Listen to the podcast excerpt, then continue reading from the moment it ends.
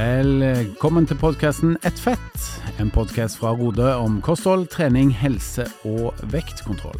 Mitt navn er Henning Holm, og jeg gleder meg til å ta deg med på en reise gjennom livsstilsendringens verden med aktuelle gjester. Velkommen tilbake til en ny episode. Henning er her på plass som din vert i podkasten Ett fett. Og Halvor han er rimelig klar i dag, tror jeg.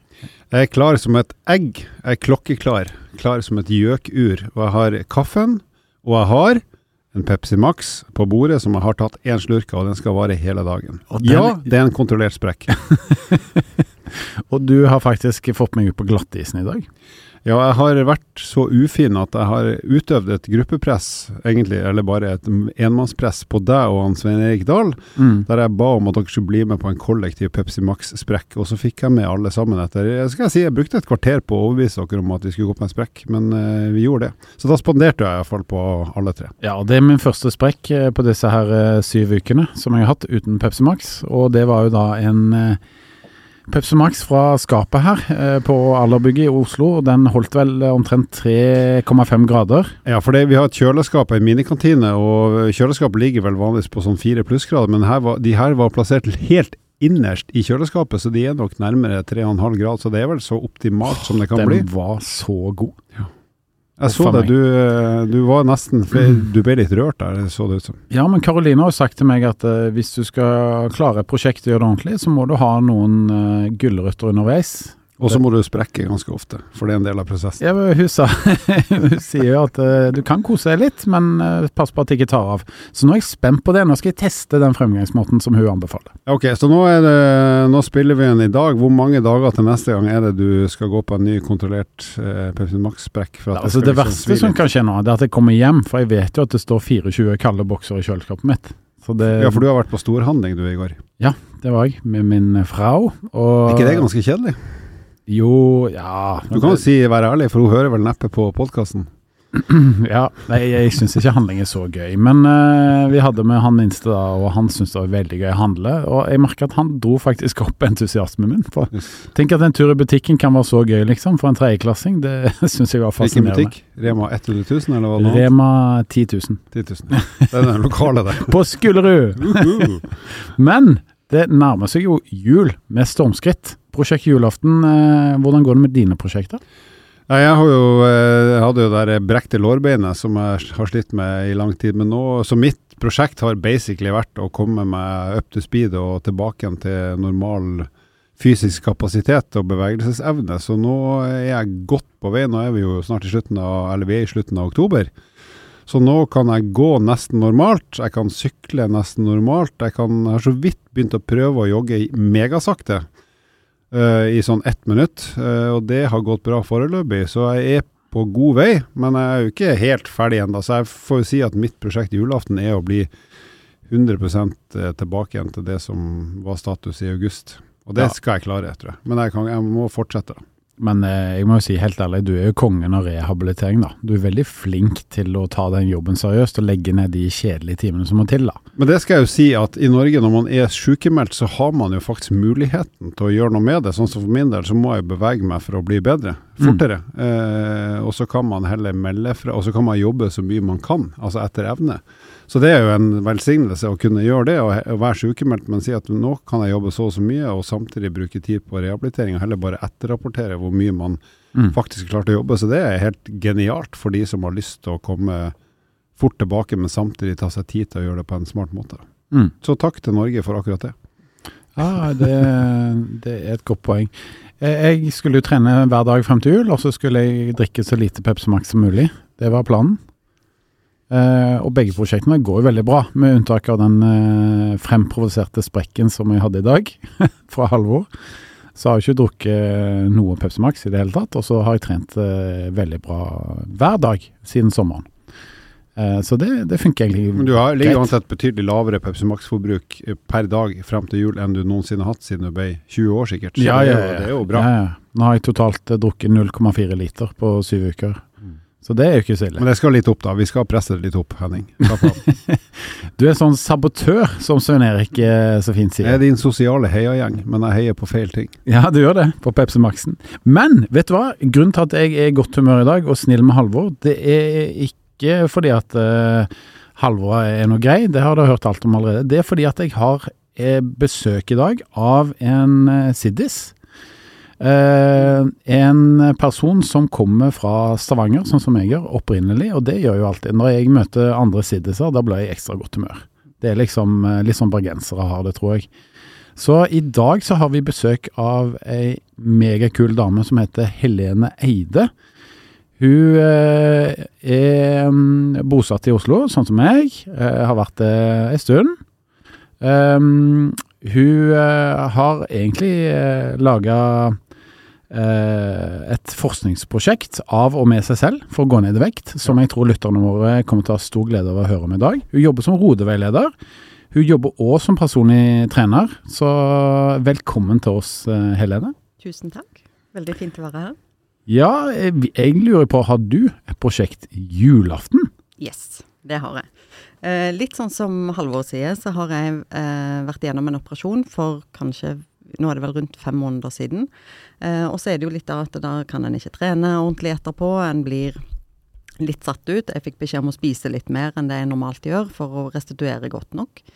Eh, og da kryper jo kiloene litt på. Så nå mitt prosjekt julaften er at jeg skal komme meg ned igjen der som jeg var. Eh, og jeg skal komme tilbake igjen i formen der som jeg var.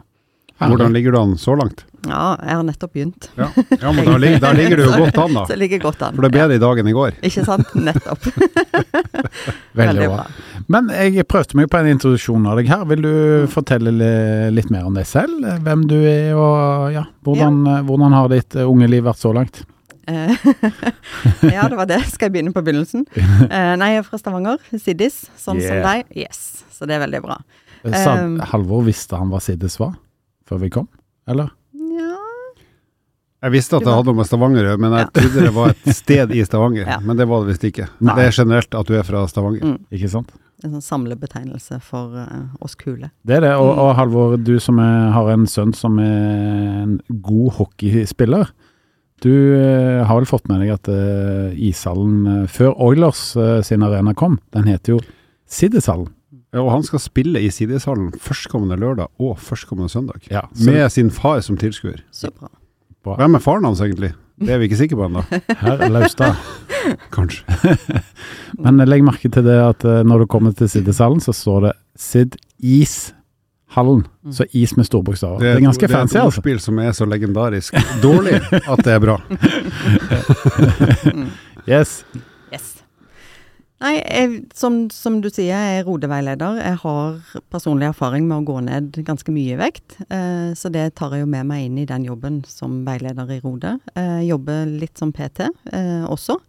Eh, på momentumtrening på Sinsen eh, i Oslo. Um, ja, og så har jeg på en måte en, en 100 jobb ved siden av eh, i Oslo kommune. Eh, sånn at dette gjør jeg litt som på si, men samtidig så er det her hjertet mitt ligger veldig. Yes. det- Hvor mange timer har du i døgnet? Eh, en del. En del, ja. Og så er spørsmålet er, sover du nok? Nja, skulle kanskje sove et par timer til. ja, så det. Men når noe engasjerer, så er det hyggelig å kunne mm. gjøre noe med det. Mm. Mm. Men du snakket jo litt om det med at du har eh, ja, lagt et sånt forskningsprosjekt av og med seg selv for å gå ned i vekt. Kan du Mm. fortelle litt om din vektreise? Eh, Svein Erik har jo delt mye med oss, og vi har jo hatt Ellen innom her eh, for en stund tilbake som har fortalt mye. Uh, og disse vekthistoriene er jo noe som vi vet engasjerer lytterne våre veldig. Mm. Mm. Nei, altså for min del så var det litt sånn jeg kom til Jeg har jo vært overvektig hele livet, egentlig. Eh, fra jeg var barn. Eh, og har gått opp og ned i vekt mange ganger, kanskje noen hundre kilo i løpet av livet også. Eh, og det er eh, Jeg har liksom aldri helt funnet det som har fungert. Eh, for jeg har alltid bare gått opp igjen. Ikke sant? Det er eh, denne runddansen som en kommer i. Jeg må bare skyte inn. Kan ikke du si litt om hvilke For jeg har jo lest historien din på Mm. Rodemann. Kan ikke du si litt om hvilke ulike kurer og varianter du har prøvd? Mm. For det er jo ganske mye forskjellig, som man kan le av for at det er rart, men Mm. allikevel, det har jo fungert på et eller annet vis. Ja. Litt. Mm. Og det er jo noe med det. Ikke, altså, de fleste dietter og kurer fungerer jo så lenge du følger de. Uh, og jeg hadde én runde altså Da var jeg på sånn ananaskur. Da spiste jeg kun ananas. Det holdt en ukes tid. Hvordan, hva var resultatet bare sånn på den uka? Ja, den, jeg gikk jo litt ned. Ja. Uh, sånn at det er Men naturlig nok, det er jo begrensa hvor mye ananas du klarer å stappe inn. Blir litt lei også etter hvert, eller? En smule. Tok en stund før jeg spiste ananas igjen. Nå er jeg på en måte tilbake til normalen der. Da må jeg spørre igjen. Ja. Liker du ananas på pizza? Ja. Ok. For det, jeg hater det. Jeg mener at det hører ikke hjemme på pizza. Men er det en del av ananaskuren? En svær ananas med en pizzabit. kunne jo vært en idé. ja. Nei, og så har jeg prøvd eh, altså knekkebrød eh, spiste, Jeg tillot meg sjøl å spise ett knekkebrød om dagen eh, uten pålegg på, liksom. Det var det jeg kan jo kalles å egentlig slutte å spise. Mm. Eh, lavkarbo, eh, Nutrilett, altså forskjellige diverse pulverkurer. Eh, ketolyse, altså sånn hvor du spiser mye fett og mye protein og ingen karbohydrater. Hvordan funka det for deg? Ehm, ganske greit i starten, ikke sant. Og så er det litt sånn det er matvarer som jeg kan Som jeg egentlig syns er ganske godt. Eh, men så blir du jo litt sånn metta av det etter hvert. Og så er det veldig dårlig eh, måte å leve resten av livet sitt på. Altså du blir veldig begrensa ute i sosiale settinger. Altså sånne type ting blir veldig vanskelig. Eh, sånn at det Og så er det jo det kommer på en måte ned til kalorier inn og kalorier ut til slutt. ikke sant? Og da når du spiser fett og proteiner, så er det jo veldig kaloritett mat. Eh, sånn at etter hvert så må en jo begynne å kutte der også. At Mm. den effekten går litt, eh, går litt bort, og så handler det egentlig om det samme til slutt likevel. Men av alle de tingene du har prøvd før, hva er det du på en måte har klart å holde ut lengst med, før du på en måte har ikke fått det til lenger, eller ikke ønska å fortsette lenger? Det har nok vært en sånn kombinasjon av det lavkarbo og eh, ketolyse, eh, som har vært det som på en måte tok meg lengst. Eh, men det er klart at med en gang du gir deg på det, så er det jo rett opp igjen. Eh, og, og når en ikke jobber med hodet samtidig, og ikke på en måte får alle de andre tingene på plass. Ikke sant? Jeg er jo litt opptatt av disse både mentale prosesser og psykologiske prosesser i en sånn endringsfase. Eh, hvis en ikke får de tingene på plass, så hjelper det fint lite. Hvis du skal beskrive da, den her, eh, på slutten av den her ketolyse lavkarbo, når du fortsatt holder på med det, og så går det Uh, og så er det liksom de siste dagene før du på en måte avslutter det. Hvordan er den overgangen fra at nå slutter jeg med noe som på en måte har fungert, Mm. til å på en måte gjøre noe helt annet? Hvor, hvordan er det i livet ditt? Hvordan var det? Hva begynte du å spise da, f.eks.? Ja. Og hvordan merka du overgangen? Um, altså, ofte så var det jo sånn at en blei veldig Jeg blei veldig lei eh, på slutten, ikke sant. Jeg, jeg jeg hadde sånn cravings etter appelsiner, ikke sant. Frukter, alt mulig sånne ting skal du på en måte holde deg unna. Ja, du hadde rett og slett sukkerbehov, eh, sånn, Ja. eller et eller annet. Ja. ja. Mm. Og liksom konsistensen av brød. ikke sant? Jeg er veldig glad i brød, egentlig. Så det å på en måte skulle holde meg unna sånne type ting Så etter hvert når du begynner å tenke på det, så blir det jo veldig Du blir veldig opphengt i det. Eh, og så har jeg jo hatt gode intensjoner om at nå skal jeg gradvis gå over, jeg skal begynne liksom så smått å innføre sånne type matvarer igjen. Men så finner jeg meg sjøl i butikken og har liksom kjøpt en kilo appelsiner og masse annet frukt og et stort brød, liksom som jeg setter meg ned og begynner å spise, fordi da er det et eller annet kroppen bare vil ha, på en Mm. måte. Så, Så det er mm. nesten sånn fra en dag til en annen, så Ja. Gjør, meg du, har det gjør det. i gåsehudene helt motsatt av det du har gjort veldig lenge, og så blir det voldsom start, da, kan du si, sant? på den der omstillinga. Men, men ikke, altså det er jo noe som jeg, jeg tror uh, de fleste kjenner seg veldig igjen i, ikke sant? Uh, jeg husker vi på, var på en uh, kjøretur, Halvor. Vi var på jobb og skulle kjøre faktisk til Stavanger. Og så uh, stoppa vi på en plass og sa du, vet du hva. Og vi hadde trent på turen nå, vi hadde sykla. og så sier du, vet du hva, nå har jeg så lyst på sjokolade. Altså jeg craver skikkelig. Og så kjøpte du en sånn 200 grams plate, og så spiste du den. Husker du det? Ja, ja, og det er jo Ja. bare et uh, Ja. tulleksempel i forhold til det du snakker om. Ikke sånn, Men annet med den Ja, men jeg tror at alle kan relatere ja, til det uansett, da. Mm. Mm. Når du har Eh. avstått fra noe som du egentlig er glad i Ja. over tid, og særlig du da som har gjort det så lenge, så, Ja. så blir det der eh, Når du Mm. først da Mm. tillater deg sjøl å Så blir det litt overdådig, det, så blir det eh, heftig, ikke sant? for å si det sånn. Mm, Ja. Ikke sant. Mm. Ja. Og det er jo litt sånn siste gangen nå når jeg da har klart å gå ned i vekt og klart å holde meg nede, så hadde jeg jo en helt annen uh, strategi. Uh, en helt annen måte å gjøre det på. Mm. Uh, hvor jeg egentlig bygde opp kostholdet mitt rundt mat jeg elsker.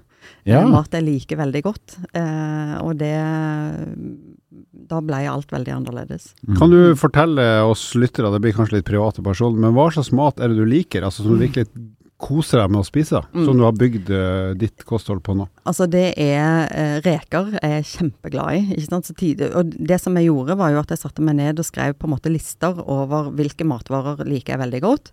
Eh, hva kan jeg på en måte, hva passer inn i det kostholdet jeg trenger å ha nå videre for å skulle gå ned i vekt?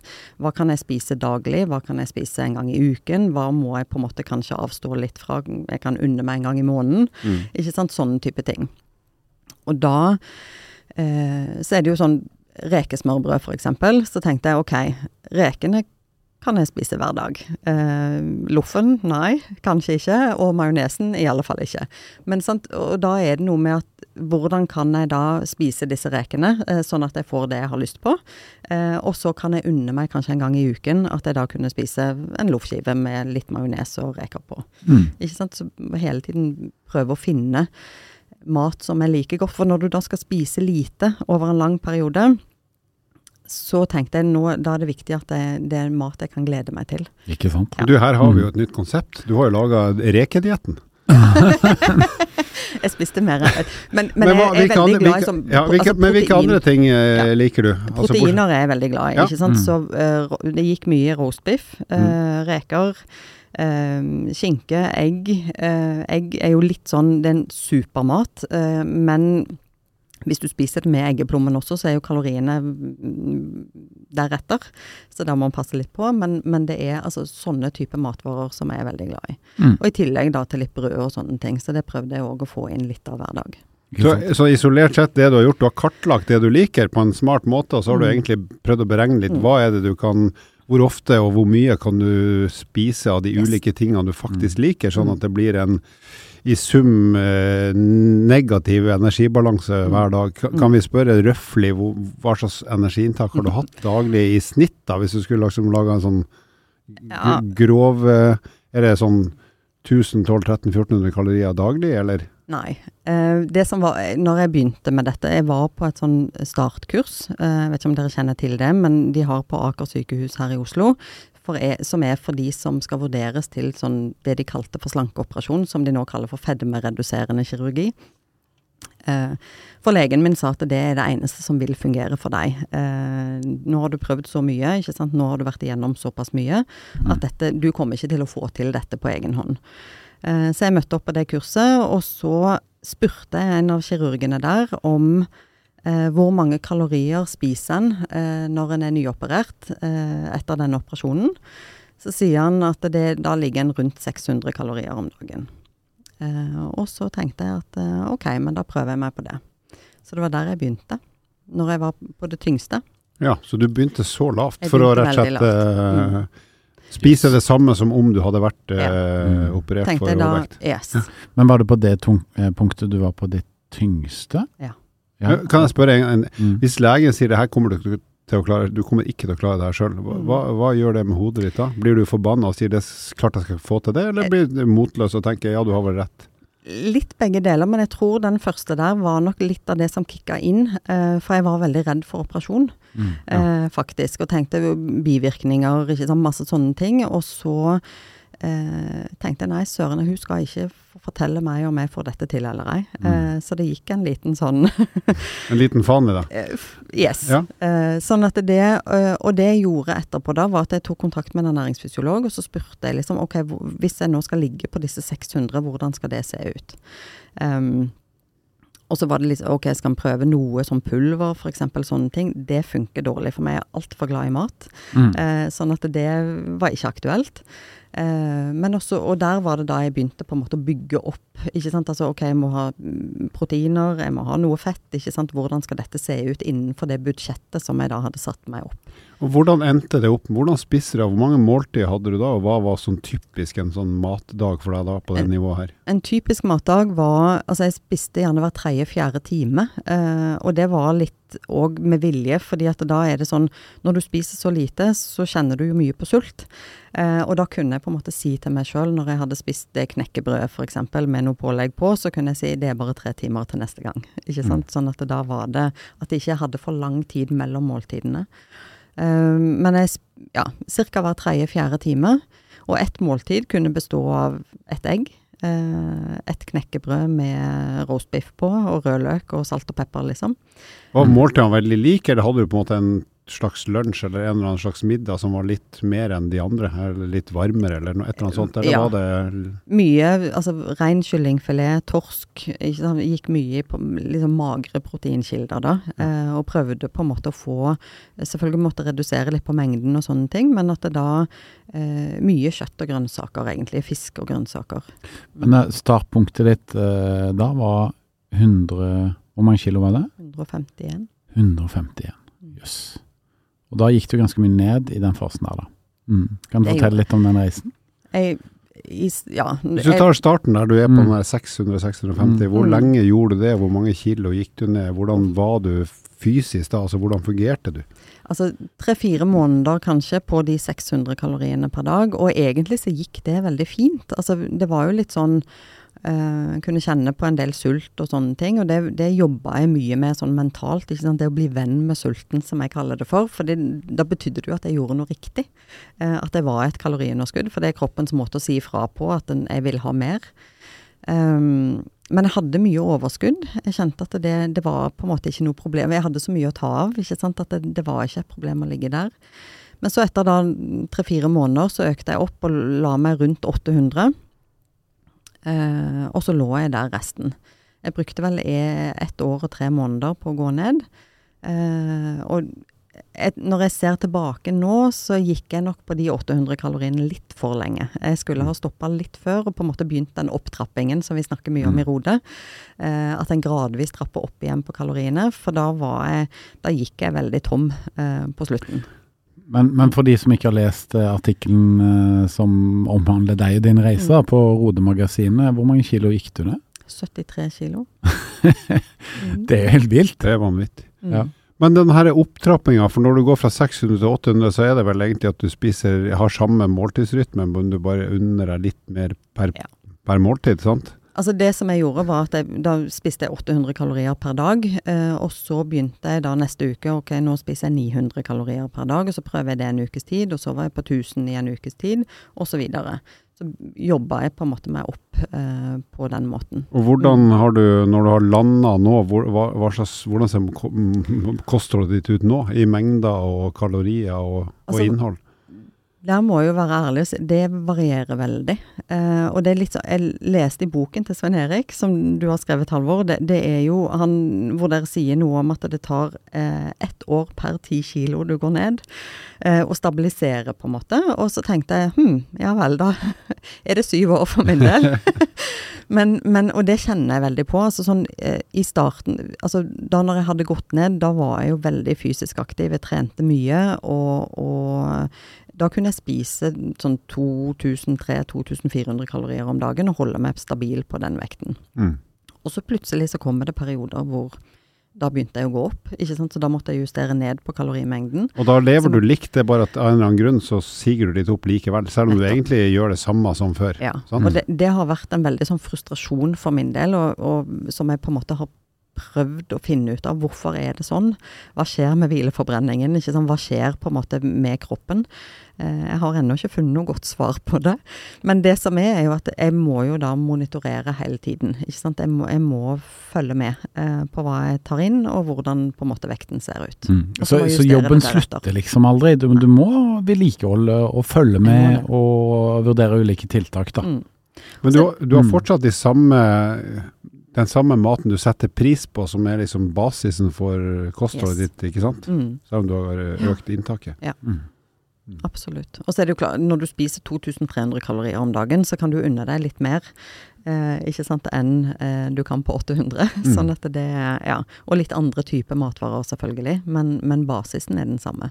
Mm. Eh, og det er litt sånn Jeg pleier også å si at jeg, jeg oppdagte mat på ny, ikke sant. Egentlig gjennom denne prosessen her. Fordi at jeg eh, Når jeg da begynte å skrive ned hva slags type mat liker jeg, ikke sant, hva er det jeg har lyst til å spise, eh, så skrev jeg også en liste over hva type mat er det jeg spiser ofte, men som jeg egentlig ikke liker så godt. ikke sant, Fordi jeg Mm. putta jo i meg alt mulig Ja, sånn som bare er av gammel vane, uten at du egentlig setter pris på det. Nettopp. Ja. Og det å identifisere på en måte hva er den type maten, ikke sant. Hva Dette klarer jeg fint å leve uten. Eh, det er jo Ja. Kan du gi eksempel på, i ditt liv, da, hvilke matvarer eller typer er det, som du Altså- før bare har spist uten å tenke over det? Altså det er jo eh, altså sånn som eh, snacks og godteri for eksempel. Så er, var det tilgjengelig, så spiste jeg det jo. Eh, men egentlig så satt jeg og tygde på ting som jeg Dette var altfor surt, eller dette er- liker jeg ikke, egentlig. Eh, men det var tilgjengelig, og da gikk det ned. Mm. Mm. Men Det høres ut som du er ganske flink til å gjøre en jobb på å se og tracke, da. Mm. Eh, hvor mange kalorier jeg spist, hvor det ligger an nå, eh, at du veier deg regelmessig, hvis jeg Mm. forstår det riktig. Mm. Eh, mange blir jo lei av å Mm. tracke kalorier og følge med. Blir lei av å gå på vekta og liksom se hvordan dette går. Mm. Eh, du noen ganger en sånn slags hva skal jeg si, fatigue på de tingene her, eller? Ja, jeg skal må være ærlig og si det, men, Mm. men jeg gjør det likevel. Det har, nå har det på en måte blitt så innarbeida at det jeg har den Nå er jeg jo nede i vektappen, eh, men tidligere så brukte jeg noe annet.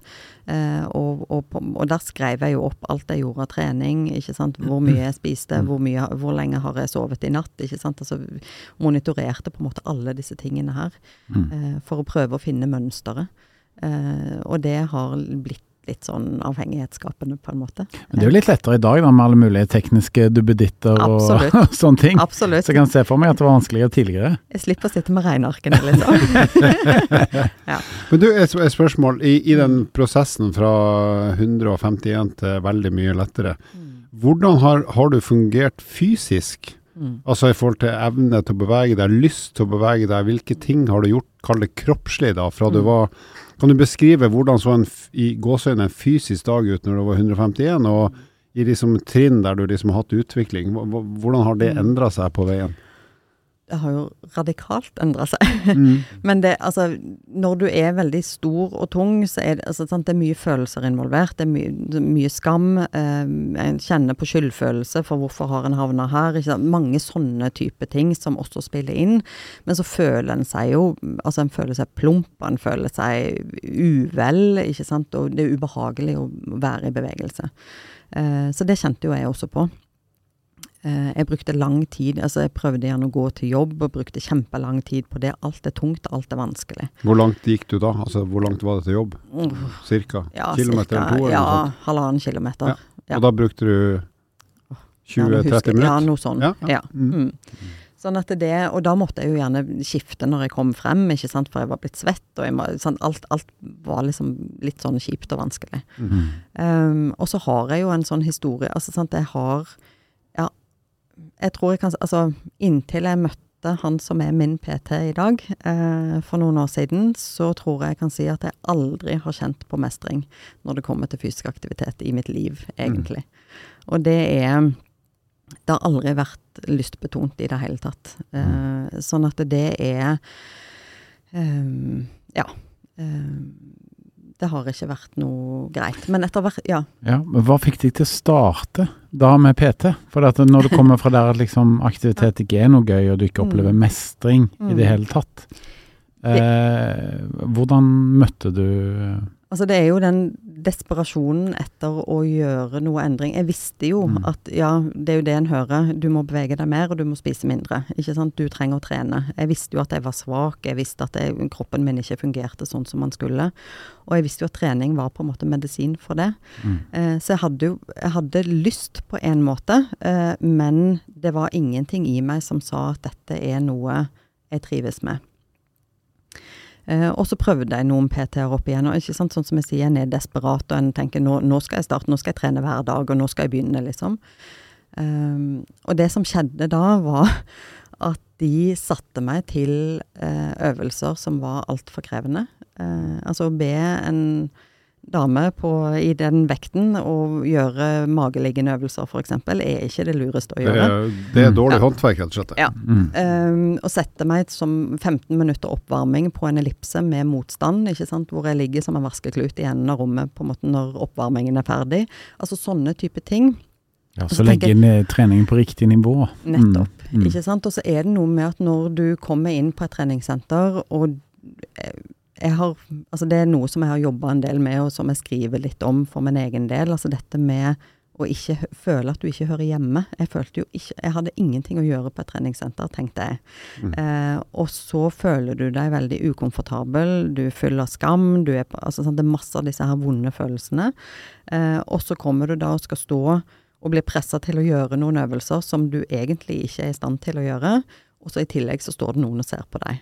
Ikke sant? Ja, så du, det, du, står på utstilling og blir bedt mm. om å dumme deg ut. Ja, faktisk. Både fordi ja. at du ikke får det til, sånn at andre kan se at det her, er, her fikser jo ikke, og så mm. føler du sjøl at fader, det her, jeg ser ut som en dust, for det her går jo ikke. Ja. Ja, jeg tenker jo at vi som uh, har jobba i treningsbransjen hele vårt voksne liv, begge to, både meg og deg, Halvor, uh, her eh, peker vi jo på noe og snakker om noe som jeg tror veldig mange kjenner seg igjen i, og som eh, Peter, mange Peter ikke helt forstår. da. Eh, de opplevelsene som du forteller om nå, det er jo mm. vanskelig å sette seg inn i. Selvfølgelig er det Så Peter angriper det sikkert med beste mening og tenker mm. fra et teoretisk ståsted at du skal ha så mye kondisjonstrening, du skal gjøre disse disse øvelsene, ja. og så har man ikke kobla på liksom mm. uh, Ja, det, dette her med sympati og empati for den situasjonen som mm. du beskriver, da. Ja, så har man ikke skjønt, skjønt hva er riktig start for ja. det mennesket. Hva, hvor er formnivå? Og mitt mm. tips er alltid legg lista lavere enn du tror. Mm. Yes. For det, du må sikre at det mennesket du skal hjelpe, får en hyggelig opplevelse gang mm. én. Ja. Ja. Ikke sant? Mm. For ellers er det lite sannsynlig at den personen gidder å komme tilbake for å bli driti ut en gang til. Mm. Uansett om intensjonen er god eller ikke. For det, det, er jo dine følelser og dine opplevelser som mm som er det som betyr noe. Mm. Og det var jo det som skjedde med meg igjen og igjen. ikke sant, At jeg, jeg kjente Nei, jeg fikk jo bekrefta, ikke sant. Jeg hører ikke hjemme her. Dette er ikke en plass for meg. Det høres ut som jeg er på dansekurs. Uten sammenligning for øvrig, men ja. Men, men eh, du, du, du, har jo beskrevet hvor tungt det var å gå til jobb når du var mm. på det tyngste. Du mm. brukte opp mot en halvtime på én til to kilometer, mm. som er veldig sakte ganger, men mm. likevel en stor prestasjon fysisk med din form. Men hvordan har du liksom i kilo for kilo eller måned for måned, liksom, hvordan har den opplevelsen av bevegelse vært da, fra det punktet til der du er nå? Det er jo en sånn prosess, og jeg er veldig opptatt av å på en måte tenke prosess når en skal gå ned i vekt. En kan ikke bare ha det målet der fremme at jeg skal gå ned så og så mye, og så er jeg i mål når jeg først har kommet dit. Men det der å forelske seg litt i selve prosessen, og det å kunne feire ikke sant, ting jeg klarer å gjøre underveis. Eh, og det var jo litt eh, altså Både da når jeg kjente at jeg kunne gå litt fortere, jeg ble ikke like svett. ikke sant, Sånne type ting.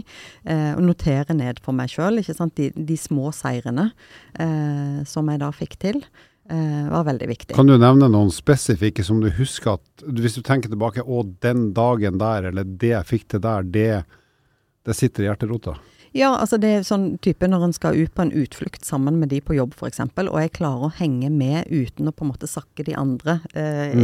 igjen. Ikke sant? At de må ja, ja, ja, stå og vente på meg. Altså mm. sånne type ting. Den følelsen. Mm. Eh, og det, sånn, da var jeg jo kommet helt i andre enden, men jeg, jeg meldte meg jo på et sånt løp som heter Oslos bratteste et år. Mm. Eh, og jeg blåser i på en måte om, om, hvilken tid jeg har og alt mulig sånne ting. Eh, og om jeg er bedre enn andre, det er egentlig ikke det som jeg syns er vesentlig.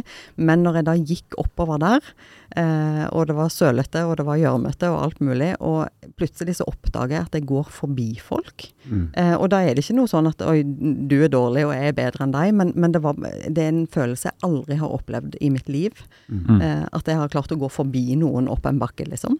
Mm. For en digg følelse, da. Fantastisk. ja.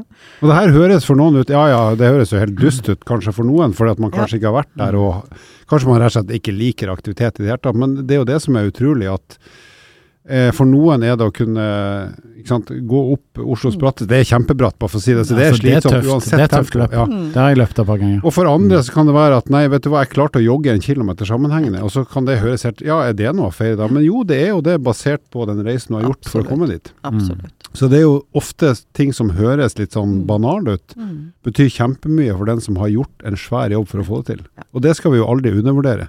For den gleden der, den er tror jeg like stor som å vinne OL-gull. Det er veldig gode eksempler på milepæler også. Jeg likte òg det du sa med å liksom være med på noe på jobb, og, ikke Mm. liksom lenger føle at du sakker ned gruppa. Da, Mm. som du Det må jo også være en digg Mm. følelse å Absolutt. vite at jeg har, jeg har mer å gå på, så Mm. bare kom igjen, folkens. Jeg tar det. Jeg tar det. Men hvordan har det da vært å, å liksom gå videre og hjelpe andre, da? Altså hvordan bruker du erfaringer fra ditt eget liv i oppfølging, oppfølging som du eh, gjør da som rodeveileder? For det at nå hjelper du en del andre mennesker òg Mm. til å, å lykkes med en livsstilsendring. Mm.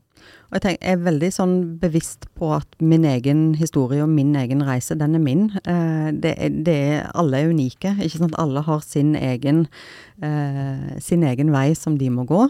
Eh, men jeg tenker det som jeg har vært igjennom, legger jo et, et bakteppe og en forståelsesramme og kanskje en sånn eh, jeg vet ikke, en troverdighet kanskje hos noen da, i forhold til at jeg, jeg vet litt hva det om. Hva det handler om. Eh, jeg har kjent på kroppen hvordan det er. ikke sant, når en Altså det, bare det å ha en forståelse for hvor tungt det er å bøye seg ned og knytte skoene sine. ikke sant, Alle de tingene der som kanskje en som veldig stor da føler at normalvektige ikke helt forstår. Eh, Mm. Så det at en har med seg noen sånne ting inn i, inn i jobben, og det å eh, ja, vite at det er Hodet må henge med. Hode, altså følelser og den mentale biten må på en måte eh, må med eh, i ligningen, på et vis. Eh, men så er det jo veldig viktig at jeg, altså, jeg møter den enkelte der den er, eh, og ikke bruker på en måte altså Fordi dette funker for meg, så kommer det til å funke for deg. Mm. Den er jeg veldig Ja. forsiktig med. Ja. Du, du jobber jo i Oslo, men du jobber jo også digitalt, så det er egentlig, altså Yes. folk fra hele landet kan få hjelp av deg. Mm. Eh, så det er jo ikke noe vanskelig å finne ut eh, håper jeg, å si, hvem du er og ta kontakt hvis de vil. Men kan du beskrive, selv om det er ulike mennesker, hva slags type mennesker og problemstillinger syns du sjøl at du er god til å håndtere og hjelpe andre med? Mm. Et dårlig spørsmål, men jeg spør allikevel. Ja, skal vi se. Eh, jeg tenker, altså, sånn som du sier, jeg har jo alle, alt fra de som vil holde vekten sin og bare begynne å spise sunnere, ikke sant, som egentlig ikke skal ned noen særlig kilo, eh, og så har jeg de som vil ned 60-70 kilo, eh, sånn at jeg har på en måte hele spekteret. Og der er det jo litt igjen, ikke sant. Jeg, tenker, jeg har et litt sånn ekstra hjerte for de som er på det største, altså de største, Mm. fordi det er noe med den håpløsheten som en kjenner på der ute, ikke sant, og desperasjonen som en går og føler på. Eh, og det å kunne si at ok, nå tar vi ett steg av gangen, nå tar vi én dag av gangen, en uke av gangen. Og så jobber vi oss frem eh, mot noe. Og så det å hjelpe nettopp til, sånn som jeg sier, dette med å, å eh, tenke prosess, snarere enn at en skal tenke at den første er i mål når en har kommet til det endelige målet. Um, så ja, jeg tenker kanskje at jeg har en, noe litt mer å gi til de som vil ned mye, da. Uh, ja. Uh, hvordan går det med, med de? Begynner de å liksom nå litt av målene sine, og bruker du aktivitet inni dette også, eller er det mest kosthold? Um, akkurat i disse Teams-møtene så er det jo mest kosthold det går i. Men jeg snakker jo mye om trening. Jeg fremsnakker trening masse. Eh, sånn at det er, det er blitt en viktig bit av det som jeg bringer inn. Eh, Jeg prøver alltid å henge det litt på. Jeg er veldig opptatt av dette med hverdagsaktivitet. Eh, og skal en gå ned i vekt, så er det kanskje der en kan hente mest eh, på å få opp forbrenning ikke sant? i løpet av en uke eller i løpet av en dag og sånne ting.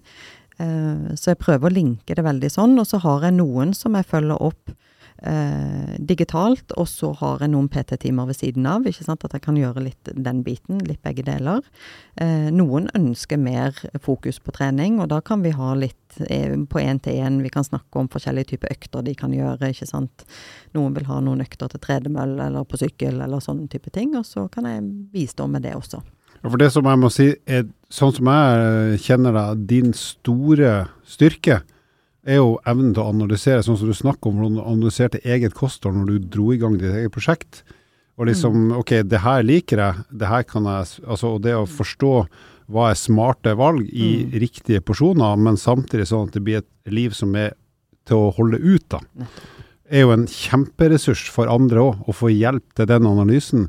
Og så er det det at du tilpasser bevegelsen. Altså du kjører ikke den der nå skal du kjøre et kvarter på ellipsen og bli helt kokt. Overhodet Ikke sant? Altså du har skjønt det sjøl, Mm. men også da klarer å overføre det til andre. Sånn at du, jeg, jeg er helt sikker på at alle som treffer deg som trener, eh, har en hyggelig førsteopplevelse. Og tenker at det her kan jeg gjøre en gang til, istedenfor å hate det. Det er jo det som er målet mitt. Uh, og jeg tenker det om, om litt sånn som jeg sier sjøl, dette med følelsen av at du ikke hører hjemme på et treningssenter, Uh, den har jeg veldig gjerne lyst til å hjelpe folk med. At de skal føle seg hjemme. Tenker du på samme måte om mat og bevegelse nå som eh, tidligere, da du var yngre? Nei. det er radikalt endra. Ja. alt, ja. Mm. Eh, jeg vet ikke helt hvor jeg skal begynne engang. Altså, sånn, det- jeg har jo sagt litt om på en måte, altså, Bevegelse var ikke forbundet med noen ting positivt når jeg var yngre. Mm. Eh, og så eh, traff jeg heldigvis eh, han som er min PT i dag. Begynte å jobbe veldig rolig, og øvelser som vi kan sitte og flire og le litt av i dag. Men, men det, nettopp sånn som du sier, Halvor, det skapte en eh, en mestringsfølelse og etter hvert en litt sånn gryende glede over at kroppen min klarte ting. ikke sant? Nå jeg går fra denne treningsøkten og jeg får ros for at jeg har gjort noe bra, eh, og jeg føler meg ikke som ja.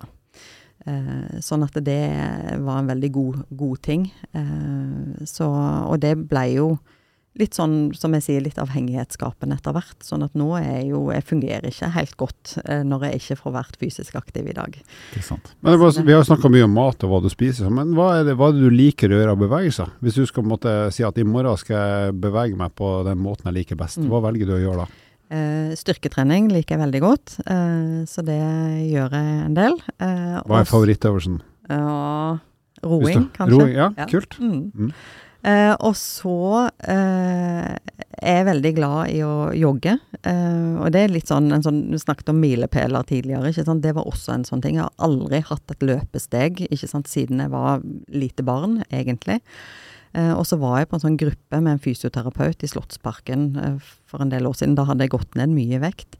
Og så pusha hun meg veldig. ikke sant? Men prøv, da. ikke sant? Bare ti meter her, ikke sant. Prøv å jogge litt. Grann. Eh, og den mestringsfølelsen, ikke sant. Når jeg da faktisk fikk et lite sånn løpesteg, eh, var helt utrolig. Eh, så det er noe som jeg liker veldig godt. Ikke sant? Litt sånn den der endorfinrusen som Mm. en kan få med kondisjonstrening, som er Og vi har jo sett deg på tredemølla på Sterk som er treningssenter vegg i vegg, så vi kan bekrefte at du har ikke bare joggesteg, men et løpesteg Ja. som brukes godt. Det har du. Men eh, når vi har besøk eh, her på podden av ulike gjester, så pleier vi å spørre eh, hva er dine beste tips da, eh, til å gå ned i vekt. Eh, men jeg har lyst til å omformulere det spørsmålet litt til deg, for det, det er jo ikke noe tvil om at du har eh, vært flink til å liksom jobbe med dette med vekt over tid. Mm. Eh, så hva er ditt beste tips til liksom holde den jobben i gang? For vi sier jo her at du blir på en måte Du blir jo aldri helt ferdig, da. Nei. Mm. Nei, altså det er jo et livslangt prosjekt. Jeg, jeg pleier også å si at jeg er sykelig overvektig uavhengig av hva jeg veier. Altså, og det er litt sånn Jeg diagnostiserer det eh, fordi jeg tenker dette er en diagnose jeg må leve med resten av mitt liv. Eh, og jeg må ta hensyn til det resten av mitt liv. Eh, sånn at jeg tenker det som hele tiden kommer igjen og igjen for min del, er jo at jeg må jobbe med eh, å prioritere meg sjøl. Eh, det er liksom en sånn greie. Sant? Mitt liv har vært fullt av det å prioritere alle andre eh, på bekostning av mine egne behov. Eh, så det har vært en stor del av min endringsprosess. ikke sant? Det å klare å på en måte være litt sånn egoistisk i den forstand at jeg sier dette går ikke for min del, ikke sant. Jeg, å, å sette mine egne behov eh, foran andre ting. Um, og det å hele tiden jobbe meg tilbake igjen til det, eh, og gjøre meg sjøl til en prioritet, rett og slett. Eh, ja, og planlegge. Er det noe som går lettere nå enn når du måtte begynne med det? Eller er det Ja. sånn at du hele tida må huske hei, pass på deg sjøl nå, at du må liksom trekke deg litt sånn tilbake igjen til ditt eget fokus?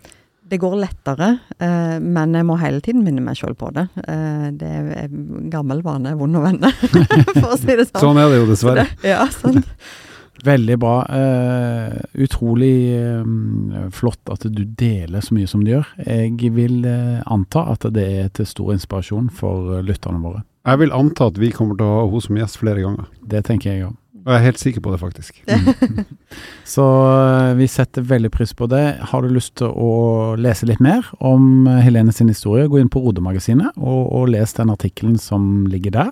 Rode.com. Rode.com. Og så er det òg sånn at uh, Helene hun hjelper jo veldig mange andre til å lykkes med sin livsstilsendring. og gjerne å gå ned i vekt, så hvis du trenger hjelp, så vil jeg anbefale at du titter inn på Helenes profil på rode.com. Men vi skal til dagens fun fact. Hva tenker du Helene? Tror du Halvor har noe å by på i dag? Garantert. Ordet ditt. Det er jo nesten flaut å bli useriøs etter noe som er så bra. Mm. Og seriøst. og inspirerende. Men jeg har uh, funnet en, uh, en uh, fact. Og Innledninga mi er at det er to ting du ikke bør gjøre når du er i Tyskland. Det ene er, for alle som har kjørt bil i Tyskland, det er å ikke ligge for lenge i venstrefila hvis du ikke kjører veldig fort. For da blir du også tuta inn igjen i høyre, og det er snakk om tideler. Så der, du bare kom deg inn i riktig fil på autobanen. Men det andre du ikke bør gjøre i Tyskland, det er å prompe foran politifolk. For i 2016 så var det en eh, fyr i Tyskland som ble bedt av politiet om å fremvise identitetspapirer, altså sikkert noe pass eller førerkort sånn. Og for å være morsom så slapp han to promper istedenfor å vise fram identitetspapirene sine. Og for det fikk han hele 900 euro i bot, for de syntes ikke det var noe morsomt i det hele tatt. Så hvis du fiser foran politiet i Tyskland, så ryker du på i hvert fall sånn 10 11 12 000 med dagens kurs. Så ikke gjør det. Yes, det, var, det var ikke bare en fun fact, det var et tips faktisk fra Laustad. Reisetips. Ja, fra mannen Ellers som ellers vokste opp i det ja. der. Tyskland er ellers et utmerket reisemål. Da lærte vi noe i dag òg, Helene. Alle. Med det så ønsker vi deg eh, som eh, lytter på eh, en riktig fin uke. Takk for at du hørte på oss, og vi høres igjen. Og ha en fredfull jul. Takk for at du lytta på nok en episode med podkasten Ett fett. Dersom du er interessert i å lese mer om eh, livsstilsendring, gå inn på Rode-magasinet på rode.com. Vil du stille oss eh, spørsmål som vi kan diskutere i en episode, ikke vær redd for å sende inn på Facebook eller Instagram hos eh, Rode. Til neste gang, vi høres.